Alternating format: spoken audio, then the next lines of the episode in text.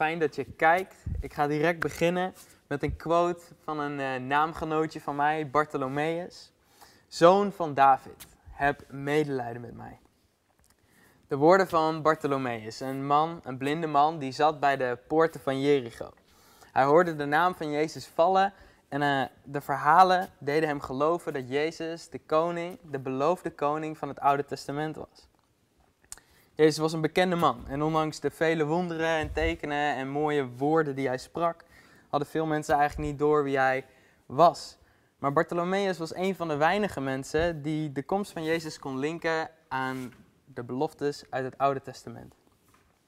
En je vraagt je misschien af welke beloftes heb je het over? Nou, laat me je daarmee helpen vandaag. We zullen vandaag stilstaan bij Psalm 16. En gaan verder heel veel Bijbel lezen. Dus pak je Bijbel erbij en lees lekker mee als, dat, uh, als je daartoe in staat bent at the moment. Maar laten we Psalm 16 lezen en uh, zien waarom Bartholomeus zijn hoop vindt in Jezus.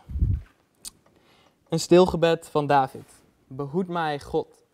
God, ik schuil bij u. Ik zeg tot de Heer, u bent mijn Heer. Mijn geluk, niemand gaat u te boven. Maar tot de goden in dit land, de macht die ik vereerd heb, zeg ik, wie u volgt, wacht veel verdriet. Ik pleng voor hen geen bloed meer, niet langer ligt een naam op mijn lippen. Heer, mijn bezit, mijn levensbeker, ik, u houdt mijn lot in handen. Een lieflijk land is voor mij uitgemeten. Ik ben verrukt van wat mij is toebedeeld. Ik prijs de Heer, die mij inzicht geeft. Zelfs in de nacht spreekt mijn geweten. Steeds houd ik de Heer voor ogen. Met Hem aan mijn zijde wankel ik niet.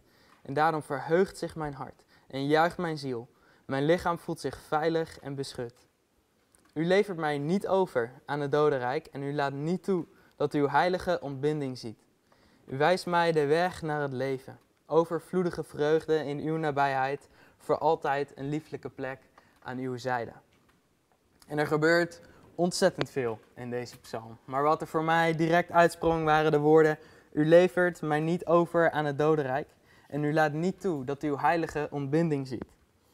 Interessante woorden voor een mens die wel degelijk sterven zal. En David zegt deze woorden ook bewust van dat feit. Want in 2 Samuel 7 bereidt een profeet, een boodschapper van God, David voor op deze gebeurtenis. Hij zegt: David, wanneer je leven voorbij is en je bij je voorouders te rusten gaat. Met andere woorden, David, als jij, er komt een dag aan dat jij zal sterven en dat jouw lichaam tot stof zal worden. Maar dan gaat Nathan door met een belofte. Ik zal je laten opvolgen door je eigen zoon en hem een bestendig koningschap schenken.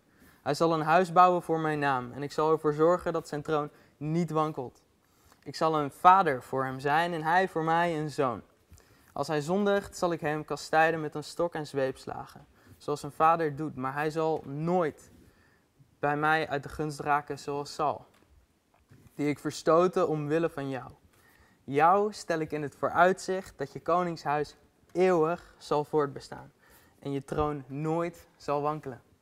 Jouw koningshuis zal eeuwig zijn en jouw troon wankelt niet.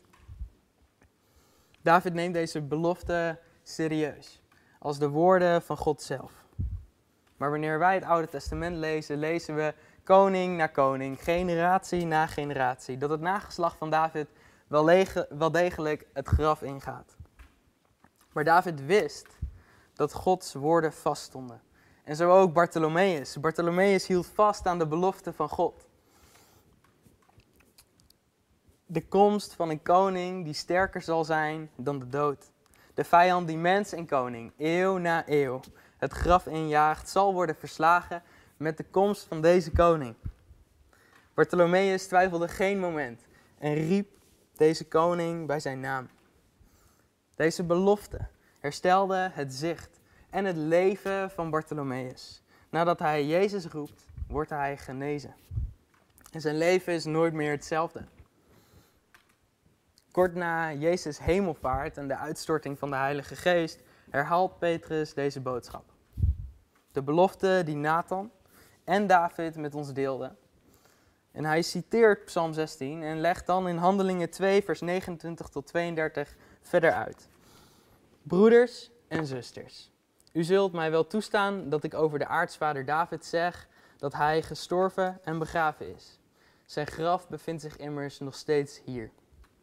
Maar omdat hij een profeet was en wist dat God hem, wat God hem onder Ede had beloofd, dat er een nakomeling zou zijn, die zijn troon zal bestijgen, heeft hij de opstanding van de Messias voorzien.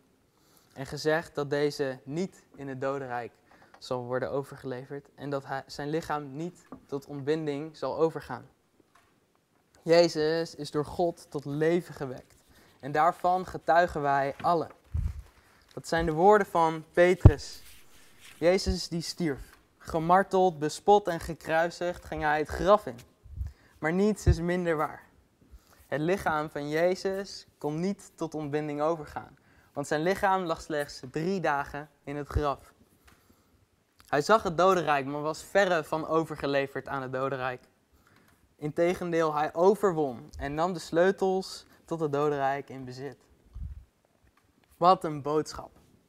De mensen die naar Petrus luisterden, die waren zo onder de indruk van dit ontzettend goede nieuws dat ze zich massaal lieten dopen.